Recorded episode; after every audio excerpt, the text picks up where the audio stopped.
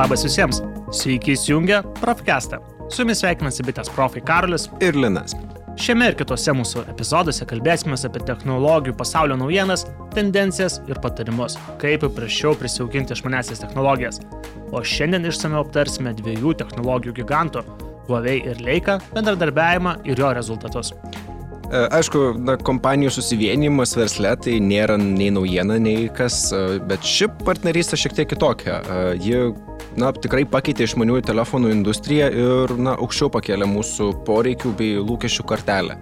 Apie visą tai šiandien ir pakalbėsime. Bet prieš pradedant, dar noriu priminti, kad mes, bitės profai, visada esame pasiruošę atsakyti visus jūsų klausimus susijusius su išmaniosiamis technologijomis. Jo, tai mus rasite visų didžiųjų Lietuvos miestų bitės salonuose, tai tikrai prieikit, kreipkitės ir, na, tikrai jums padėsim. Ir taip pat pagalbos, aišku, galit ir ieškoti tinklalapyje bitė.lt profų skiltyje. Kad galėtume pakalbėti apie šią partnerystę plačiau, būtina aptarti ir šių kompanijų istorijas, prasidedančias dar gerokai iki šio bendradarbiavimo pradžios.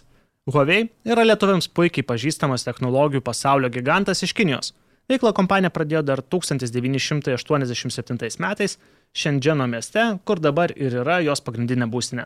Po keleto metų tai įmoniai dirbo jau virš 600 mokslo tyrimų ir plėtros darbuotojų, kurie na, gan sparčiai tobulino Huawei gaminamas technologijas. Ir na, netrukus kompanija pradėjo ne tik perparduoti, bet ir gaminti savo automatinės telefonų stoteles, jungiklius ir na, skynėsi kelią į priekį. Pirmasis Huawei proveržis įvyko dar 1993 metais, kai kompanija pagamino kompiuterių valdomą telefonų stotelę. Jau po keleto metų įmonė pradėjo dirbti su pirmąja užsienio kompanija ir nuo to vis stabiliai augo. E, ja, 2010 metais bendrovė netgi pirmą kartą buvo įtraukta į sėkmingiausių pasaulio kompanijų sąrašą Global Fortune 500. E, tai nulėmė didelis kompanijos pelnas, per metus jis siekia daugiau nei 2,5 milijardo dolerių. Šiuo metu Huawei pasaulyje yra viena didžiausių ir žinomiausių telefonų gamintojų, kuri ir toliau garsėja savo gaminamais telefonais bei 5G ryšio technologijų inovacijomis. Tiesa, dabar kompanija susiduria su duomenų privatumo problemomis, bet tai atskira ir gerokai platesnė tema. Na, tuo tarpu Leika su telekomunikacijomis nėra susijusi, ši įmonė yra puikiai žinoma fotografijos pasaulyje.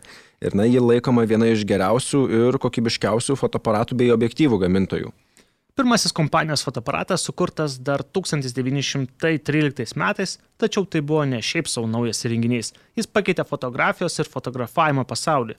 Jo dydis ir mechanika buvo tokie patogus, kad juos naudojantis fotoreporteriai galėdavo staigiai ir patogiai atsirasti karščiausiuose taškuose ir juose fiksuoti svarbiausius įvykius. Tai svarbu ne tik fotografijai, bet ir visai žmonijai. Dar daugiau žinių tapo lengviau pasiekiamomis. Masinė jo gamyba pradėta po gero dešimtmečio.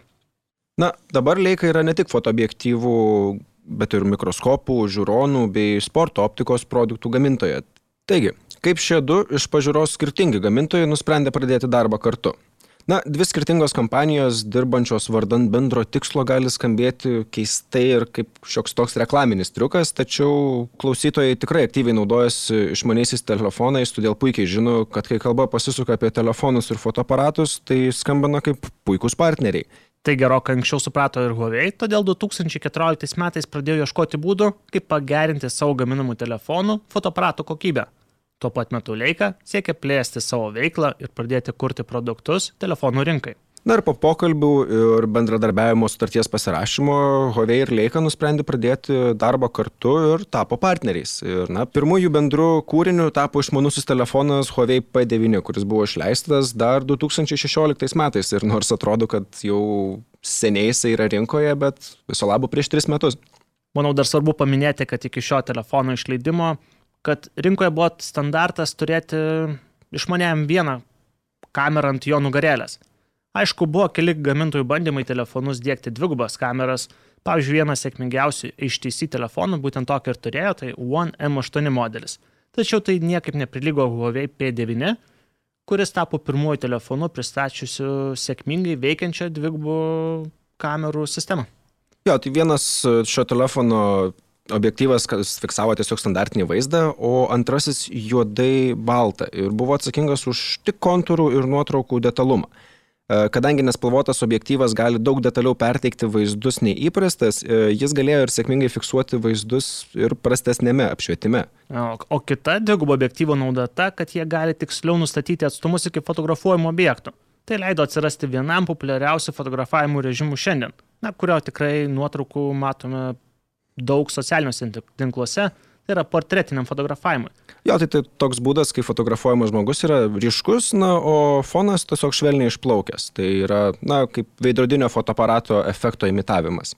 Šis modelis ir kiek vėlesnis, vienais metais vėliau pristatytas Huawei P10, tarsi paklojo pamatą tolimesniai kompanijos plėtrai tam tikra prasme ne tik tolimesniam Huawei telefonų fotoaparatų šuoliui, bet ir visai išmaniųjų telefonų industrijai. Kompanijų bendradarbiavimas padarė gan stiprią įtaką visiems telefonų fotoaparatams.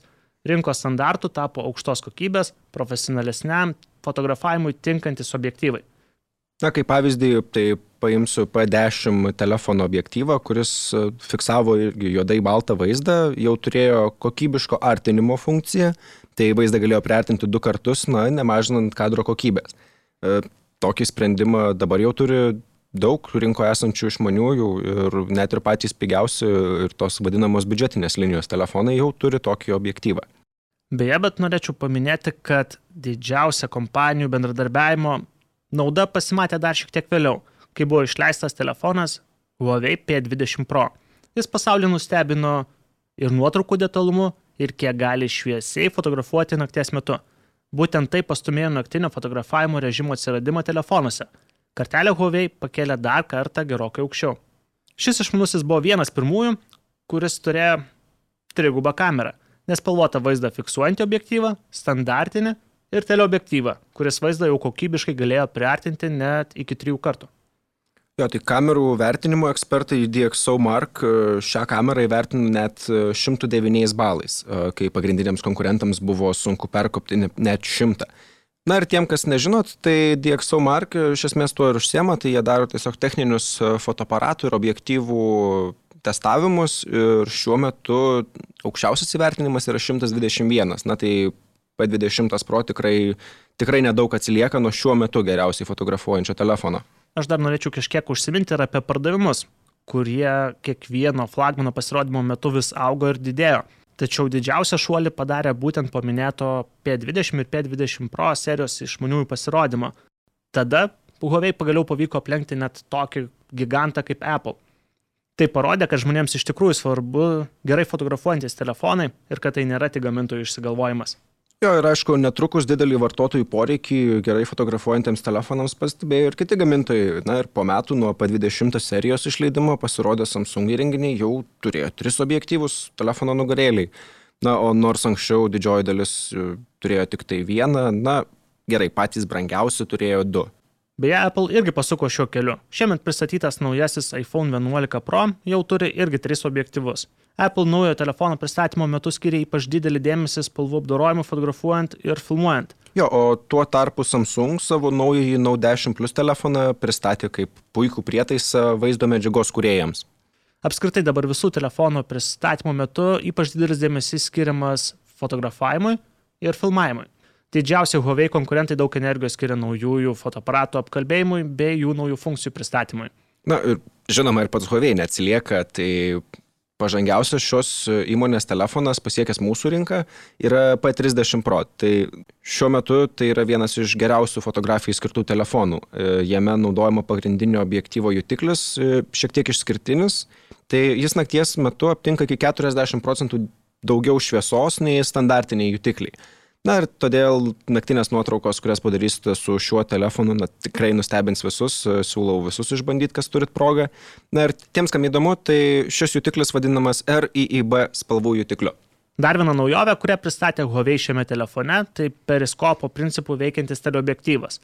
Į patenkančią šviesą jis laužia 90 laipsnių kampu. Tai leidžia šį objektyvą įdėti daugiau lešių, kurie priartina vaizdą daugiau. Plačioje rinkoje tai buvo pirmasis tokio tipo objektyvas. Na ir taip gerai fotografuoti telefonais, kaip dabar fotografuojame, tai iš esmės ir galime padėkoti šiam Huawei ir Leica bendradarbiavimui. Jis atnešė ne tik kokybiškas nuotraukas, bet ir keletą objektyvo telefone standartą. ir na, tai leidžia įvairiau jam žinti nuotraukas, priartinti arba itin daug sutalpinti vieną kadrą bei naudoti tokius režimus kaip naktinio fotografavimo arba portretinį. Linai, jau šiek tiek užsikalbėjome ir manau, kad mūsų laikas baigėsi. Tačiau džiaugiuosi, kad spėjome aptarti dviejų gigantų partnerystę. E, taip, tai ačiū klausytojams, na, tikimės, kad bent šiek tiek leidome pajausti, ką šis bendradarbiavimas e, atnešė į telefonų rinką ir, na, į kiekvieno mūsų rankas. Bet prieš pat atsisveikinant, dar norėčiau kartelį priminti, kad norėdami apie išmanesias technologijas sužinoti daugiau, pagalbos ir patarimų visada galite ieškoti bitės puslapyje profus kiltyje arba kreiptis į didžiausius Lietuvos miestus įsikūrusius bitės profus, kurie bet kada patars bei atsakys į jums rūpimus klausimus. Tai ačiū Linai tau. Ačiū Karoliu o klausytėms sakome iki kito karto. Ačiū, kad klausėt. Iki.